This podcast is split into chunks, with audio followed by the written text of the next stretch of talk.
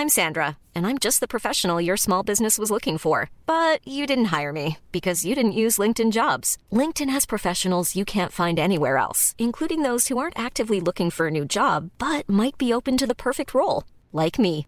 In a given month, over 70% of LinkedIn users don't visit other leading job sites. So if you're not looking on LinkedIn, you'll miss out on great candidates like Sandra. Start hiring professionals like a professional. Post your free job on linkedin.com/people today.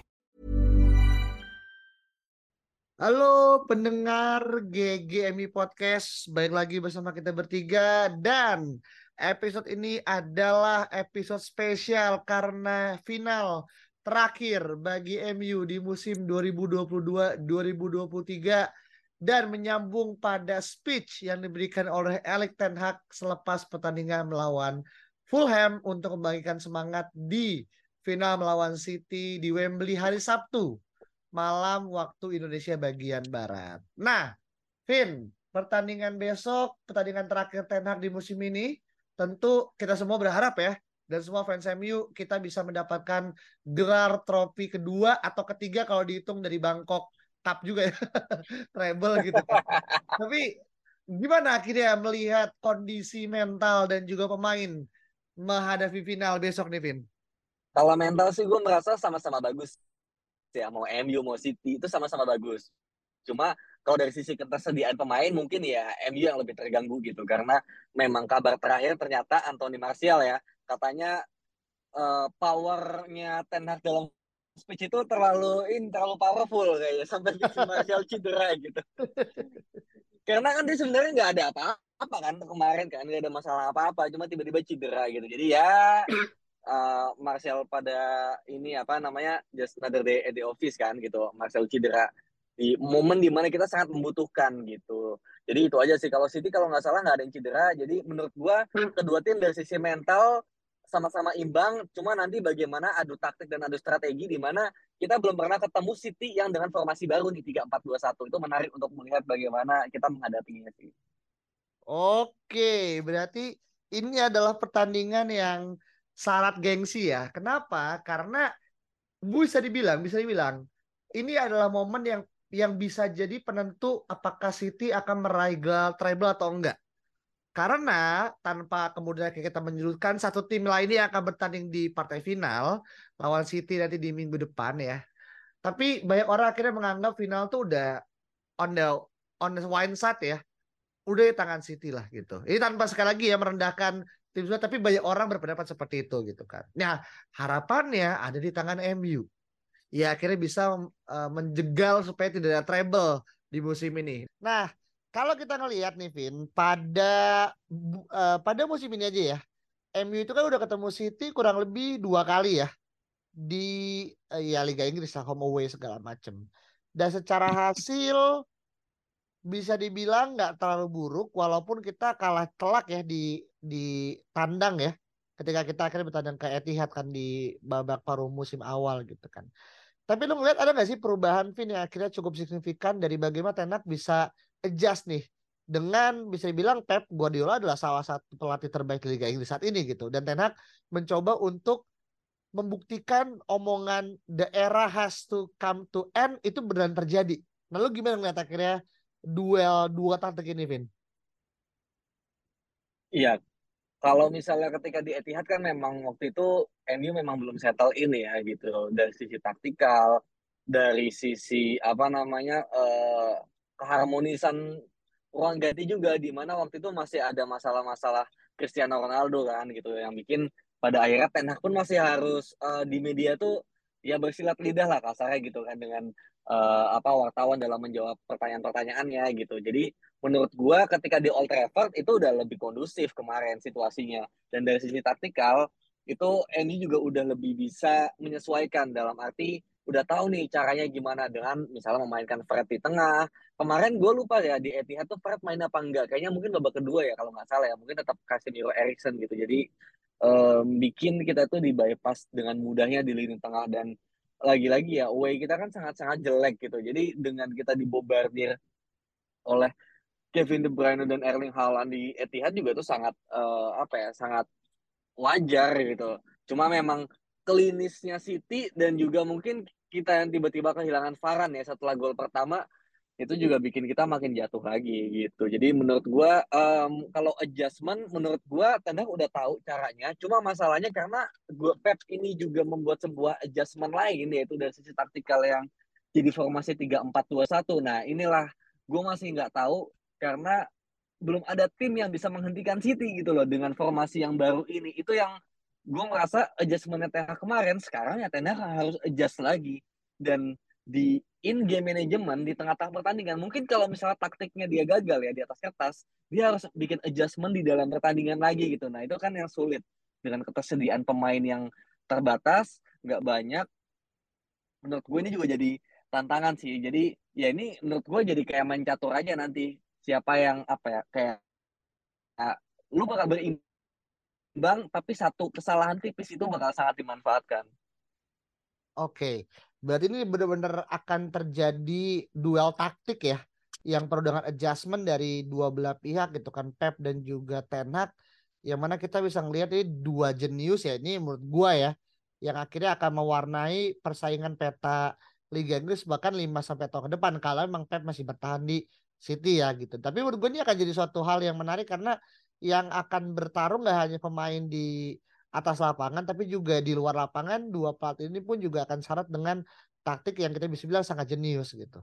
Tapi kalau kita balik lagi nih pada pertandingan City lawan MU di final FA Cup ini adalah tradisi yang ternyata dipatahkan selama 152 tahun karena kedua tim itu tidak pernah ketemu di final Piala FA gitu kan. Daripada saat akhirnya MU berjaya sampai akhirnya City berjaya gitu kan era tahun 2013 ke atas ini baru kali pertama kita bertemu. Jadi bisa dibilang mungkin kalau pertemuan MU sama City dari tahun 1881 mungkin udah ratusan ya. Dan ini gue baca di uh, stats ya. MU menangkan 70% pertandingan secara umum dan itu dari zaman-zaman dulu ya. Jadi kalau ditanya kayak kok MU kan tapi sering kalah. Iya, tapi kan game kan nggak cuma terjadi setelah tahun 2014. Tapi sebelum itu kan juga udah mulai gitu. Jadi teman-teman juga paham konteksnya. Dan ini adalah pertandingan yang beda karena nuansa juga beda final ini kali kedua kita menginjakan kaki kita di Wembley gitu kan nah kalau kita akhirnya ngelihat nih Vin MU ini kan adalah tim kedua terbanyak mendapatkan gelar Piala FA di, di 12 di bawah uh, Arsenal di angka 14 jadi kalau kita bisa menang kita memampatkan jarak di satu piala doang nih gitu kan yang mana menurut gue itu adalah suatu hal yang sangat baik dan terakhir kali kita juara FA Cup itu tahun 2016 di eranya Luis van Gaal ketika kita menang 2-1 ya lawan Crystal Palace. Saat itu kalau nggak salah nyetak gol terakhir tuh Jesse Lingard ya. Seingat gue ya ketika iya, iya, betul. baju kan. Yang gol pertama kalau nggak salah Juan Mata deh. Yang akhirnya uh, iya. iya kan itu yang kita masih ingat banget tuh Wayne Rooney masih main dan segala macam gitu. Nah, melawan City besok tentu kan nggak semudah ketika kita nggak melawan Crystal Palace ya walaupun tentu semua tim yang masuk final adalah tim yang pasti secara mental dan juga secara persiapan pasti matang. Nah kira-kira untuk ngomongin masalah formasi gitu kan ada yang orang bilang kayak ini waktunya kita bermain pakai 4-4-2 diamond. Fred, Erikson, uh, Fred, Erikson, Casemiro juga Bruno harus main bareng-bareng. Depannya itu ya berikan kepada Sancho dan juga uh, Rashford sebagai juru gedora gitu. Nah, cukup setuju gak untuk ini sebagai opsi yang paling baik mengingat Fred juga mainnya luar biasa di pertandingan terakhir, Vin? Ya lagi-lagi ya, Tenas ini kan gak pernah mengganti formasinya gitu. Jadi menurut gua apa pun teori-teori yang berkembang di Twitter, termasuk mungkin itu ada hal yang lebih make sense, let's say pakai tiga back atau dengan diamond, ya itu nggak akan terjadi musim ini gitu. Apalagi pertandingan final yang nggak mungkin lu mencoba satu formasi tiba-tiba gitu lu pelajari dalam seminggu tuh nggak mungkin gitu. Jadi uh, eh, gue lebih kepada kalau Ten percaya dengan empat dua tiga satunya ya just do it gitu. Atau uh, variasi yang empat satu empat satu gitu. Tinggal bagaimana personelnya aja yang disesuaikan gitu. Tapi formasi dasar mah pasti tetap sama antara 4-2-3-1 atau 4-1-4-1. Tinggal personelnya aja siapa yang akan dimainkan, memainkan peran seperti apa. Nah, itulah yang pada akhirnya menjadi perdebatan nantinya siapa gitu. Kalau misalnya backline kan udah udah ketebak lah ya pasti David De Gea, Wan Bisaka di kanan, kiri Luke Shaw, back tengahnya uh, Lindelof sama Varane itu udah pasti. Kemudian Casemiro, udah pasti jadi DM gitu. Nah, tinggal dua depannya nih Bruno sama ditemenin siapa. Kalau Erikson kan kayaknya nggak mungkin gitu. Nah, masalahnya Bruno ini juga ada kemungkinan bermainnya di sayap gara-gara ya si Martial itu yang cedera yang bikin Rashford mau nggak mau jadi penyerang kan gitu. Yeah. Rashford jadi penyerang di kiri Sancho nih yang tadi kita lihat bakal di kanan gantiin Anthony jadi kayaknya bakal di kiri gitu loh. Bakal melawan Kyle Walker di kiri gitu. Kemudian uh, nanti mungkin pada akhirnya Bruno beneran bakal di kanan gitu karena somehow Bruno itu uh, selain playmaker ya nomor 10 dia lebih bagus di kanan daripada di kiri gitu loh. Di kiri hmm. itu kayak pas lawan West Ham kalah sama lawan Liverpool kalah gitu. Jadi kayak somehow jelek aja dari kiri gitu. Dia bagus di kanan, Sancho di kiri. Nah, jadi trio gelandangnya kemungkinan Casemiro, Fred dan juga Erikson gitu loh. Erikson masih oke okay kalau masih ada Fred gitu. Tapi kalau Erikson diduet sama Casemiro lawan tim besar, nah itulah yang kacut gitu. Jadi menurut gue, menurut gue kemungkinannya seperti itu. Dengan nanti di babak kedua ketika kita butuh sebuah uh, kecepatan untuk counter attack di sanalah Garnacho bakal masuk menggantikan Sancho gitu di menit 65 70 gitu dan kalau kita lagi butuh tambahan gelandang ya yang mungkin bisa menjadi breaker Scott McTominay bisa masuk juga. Let's say kemudian bek kanan kita juga butuh sebuah uh, apa ya kecepatan lagi gitu dan juga energi. Wan bisa kan bisa ditukar sama Dalot gitu. Kita juga mungkin nanti melihat Rashford udah kecapean gitu kan. Ya mungkin ya Weghorst bisa bermain gitu kan. Gitu. Jadi kalau final kan kita nggak pernah tahu ya gitu. Jadi memang pada akhirnya ya opsi kita terbatas dan seperti itu formasi akan diturunkan sih. I see. Berarti kayaknya akan Nah, tuh satu lagi, ya, satu ya, lagi, satu lagi. Anthony nih, Anthony kan kata Ten masih ada kemungkinan main kan, meskipun ya. di latihan terakhir dia nggak terlihat gitu. Jadi kalau Anthony kita nggak tahu nih nasibnya seperti apa. Oke, okay. oke. Okay, berarti kalau ngomongin sekedar masalah formasi berubah, less likely karena Ten hmm. secara track record nggak pernah melakukan pergantian yang overhaul ya kecuali mungkin pemain gitu kan. Yang mana ini juga jadi pertandingan menarik karena apakah nanti yang bermain di back tengah kalau lu bilang lebih kepada Lindelof ya, tapi gue entah kenapa lebih ke Luke Shaw kali ya uh, sebagai ini ya. Tapi ya nanti kita lihat lah untuk nanti bagian lini per lini. Tapi ini adalah hal yang menurut gue cukup uh, sangat monumental karena yang dipertaruhkan tuh nggak cuma sekedar gelar, tapi juga potensi adanya treble gitu. Ini juga dilakukan sama salah satu media di Inggris ya Telegraph yang mewawancarai Marcus Rashford ketika dia udah kemarin ya dapat dua penghargaan ya dari pas MU Gala Award kan. Dia bilang kayak making sure Man United remain the only English club to have done treble uh, tanda tanya gitu. Kan. Terus dia bilang that's the most important thing. Dia pengen melanjutkan legasinya uh, Sir Alex tuh nggak akan pernah bisa ditiru oleh siapa pun gitu. Karena yang bisa treble ya baru MU kan tahun 1998 1999 gitu. Nah, tapi ini yang lucu nih, Vin. Jadi gue lihat uh, interviewnya Wayne Rooney ya, yang di interview sama Manchester City News. Gue katanya dia kayak nyadur deh dari uh, apa namanya berita luar gitu. Yang mana akhirnya MU katanya harus mainnya lebih pragmatis, Vin. Lebih menunggu dan melakukan counter gitu kan. Nah ini kan era-eranya siapa soldier banget ya. Ketika kita punya Daniel hmm. James, kita ada Rashford, kita ada Martial dan terbukti beberapa kali kita bisa menang kan uh, di di Etihad kayaknya pernah deh dan juga di Old Trafford gitu kan. Tapi lu setuju gak sih untuk kita akhirnya bermain lebih pragmatis dan nggak mencoba untuk meladeni uh, position bolanya City, Vin? Iya, memang pada akhirnya sekarang ya kita dengan situasi seperti ini ya harus pragmatis men gitu. Apalagi lu di final, lu udah bukan pertandingan yang open play lagi sekarang gitu. Lu harus pragmatis. Bahkan kalaupun di liga dengan situasi MU yang sedang skuadnya seperti ini ya memang harus pragmatis gitu. Lu lihat Arsenal mainnya bagus gitu kan, bisa melawan, tapi lu harus apa ya kualitas pemainnya nggak mendukung gitu loh untuk pada akhirnya bisa mengimbangi City gitu. Bahkan Real Madrid pun juga nggak sanggup gitu untuk menghadapi City.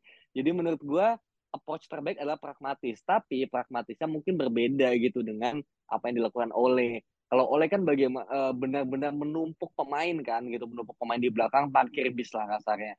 Tapi kalau MU ini masih ada sisi pressingnya yang bisa yang mau merebut bola dari uh, di mana pertahanan City itu udah mulai pegang bola tuh kita udah pressing. Dan ketika pressing itu gagal, barulah kita mundur gitu loh. Jadi ada dua dua apa ya, dua cara lah. Pertama lo pressing dulu selama mungkin 5 10 detik, nggak dapat lu mundur langsung drop back gitu jadi mungkin itu hal yang tidak dilakukan oleh kalau oleh dulu kan benar-benar langsung tumpuk di belakang kan. Jadi kayak kasarnya langsung main setengah lapangan gitu. Bedanya itu aja sih. Tapi kalau untuk pragmatism menurut gue ya memang itu harus dilakukan. Nggak ada cara lain. Kita mau ngeladenin ya lu lihat aja Emilon Barcelona di dua final 2009 dan 2011 itu kan Sir Alex juga mengakui bahwa dia tidak mau bermain pragmatis, dia mau bermain terbuka lawan Barcelonanya Pep dan itu sangat nggak mungkin lu bisa menang gitu loh dengan cara terbuka gitu terbuka tapi lu nggak kompak gitu loh gitu jadinya menurut gue ya approach terbaik memang pragmatis sih. Oke, berarti ini bisa dibilang pragmatis tapi tidak sepragmatis oleh ya. Spektrumnya oleh terlalu ke kanan ini agak sedikit moderat lah ya, tapi tetap tetap tetap uh, pragmatis dan tentu ya kita tahu ya bagaimana nggak bisa sama ratakan semua pragmatis tuh berarti kita kita parkir bis gitu kan.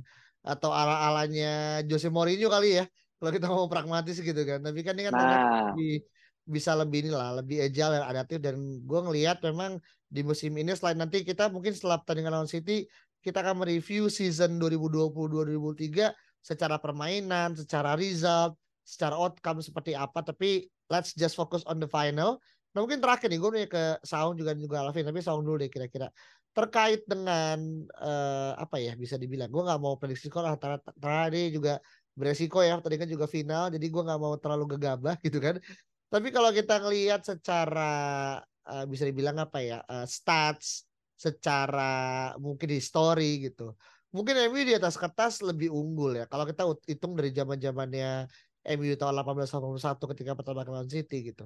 Tapi sekarang kan udah mulai beda nih gitu kan. Nah, kira-kira menurut gue lagi nih, apakah lu bisa ngelihat pertandingan ini akan melaju sampai tahapan babak adu penalti yang mana MU akan sangat dirugikan karena De Gea punya tadi yang eh, minor ya tentang penalti-penaltian gitu kan.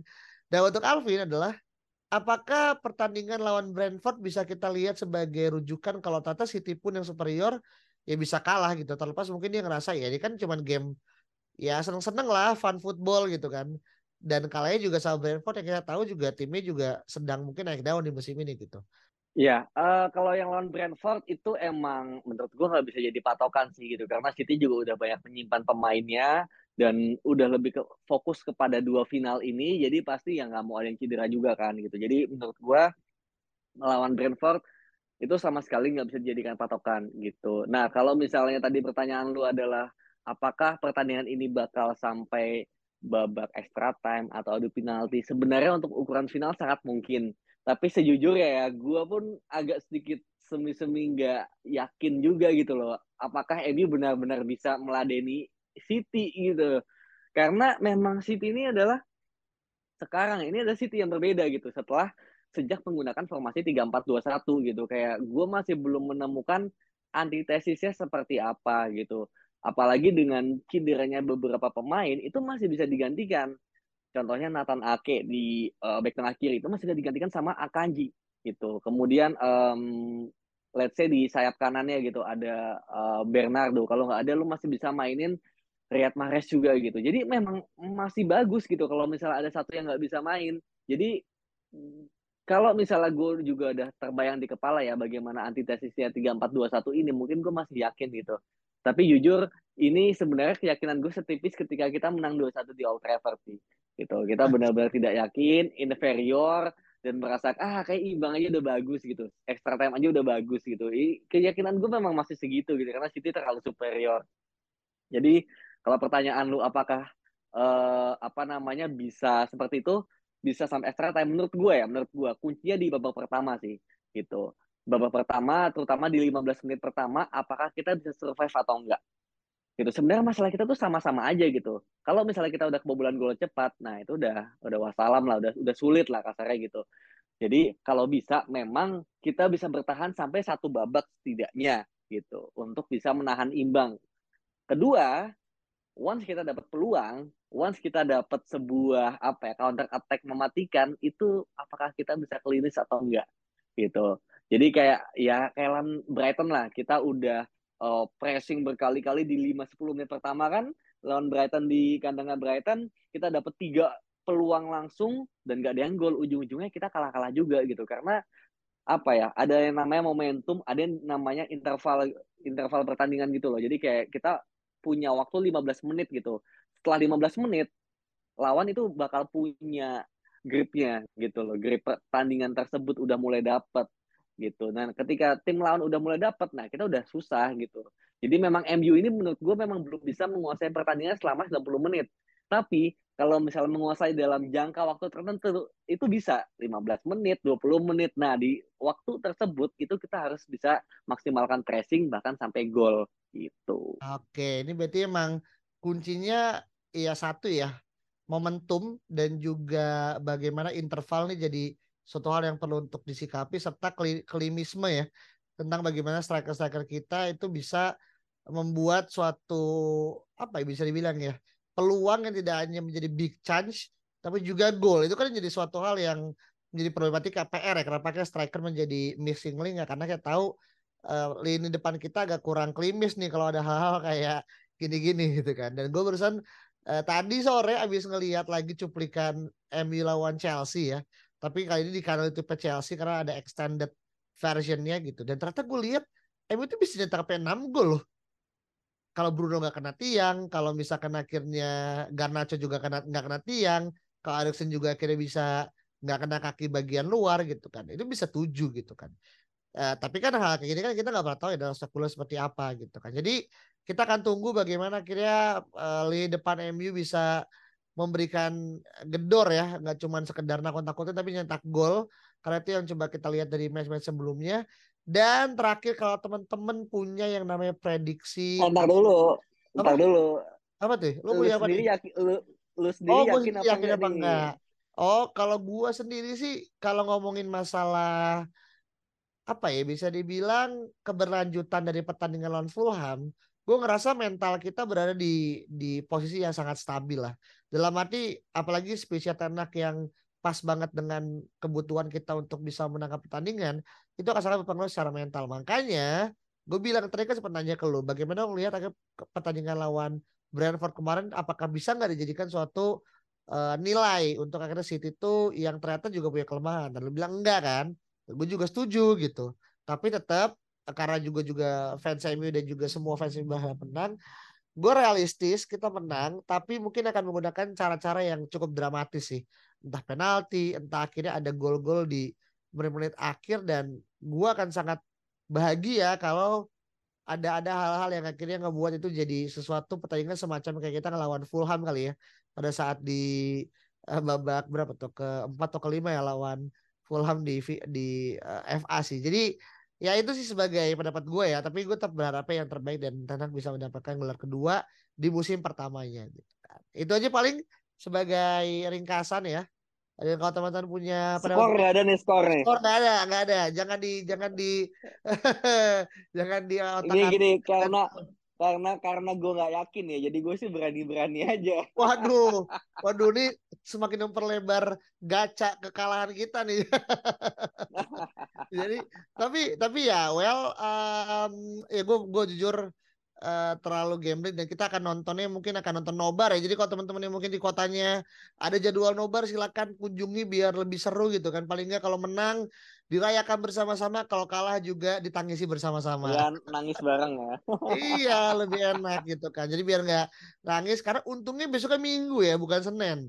Nah ini jadi bahaya nih kalau Senin yeah. kan Jumawa dan gue tadi hampir mikir kalau menang gitu kan kalau dan kalau mainnya Minggu ya gue akan datang ke kantor pakai jersey MU gitu. Kalau menang dan hari Minggu ternyata kan Sabtu. Pakai batik MU juga nggak? Waduh, batik MU itu sangat-sangat kondangan banget. Tapi maksud gue itu tadi gue sempat mikir kan, tuh apa gue mau jadiin Nazar ya gitu kan. Cuman gue terlalu takutnya jadi gimana gimana kan di, di kota atau gue tuh pakai tapi gue pakai jaket kali jadi kayak biar yang penting gue tetap pakai baju MU ada kerahnya kan kelihatan. Jadi hmm, ya iya, nanti yang kita lihat lagi mana kira kita yang mungkin punya nazar silakan dipenuhi ya teman-teman biar tidak biar mungkin semakin akhirnya didengarkan gitu uh, oleh Tuhan dan kita didekatkan pada gelar kedua gitu sih. Dan itu aja uh, kita ketemu lagi pada proses review pertandingan dan semoga reviewnya ada ya. Kalau menang, kalau nggak ada kita langsung skip aja ke bagian bursa transfer lagi. ke bagian apa season review biar kita juga nggak terlalu berlama-lama gitu kan. Dan kita ketemu lagi pada episode berikut ya. Bye bye.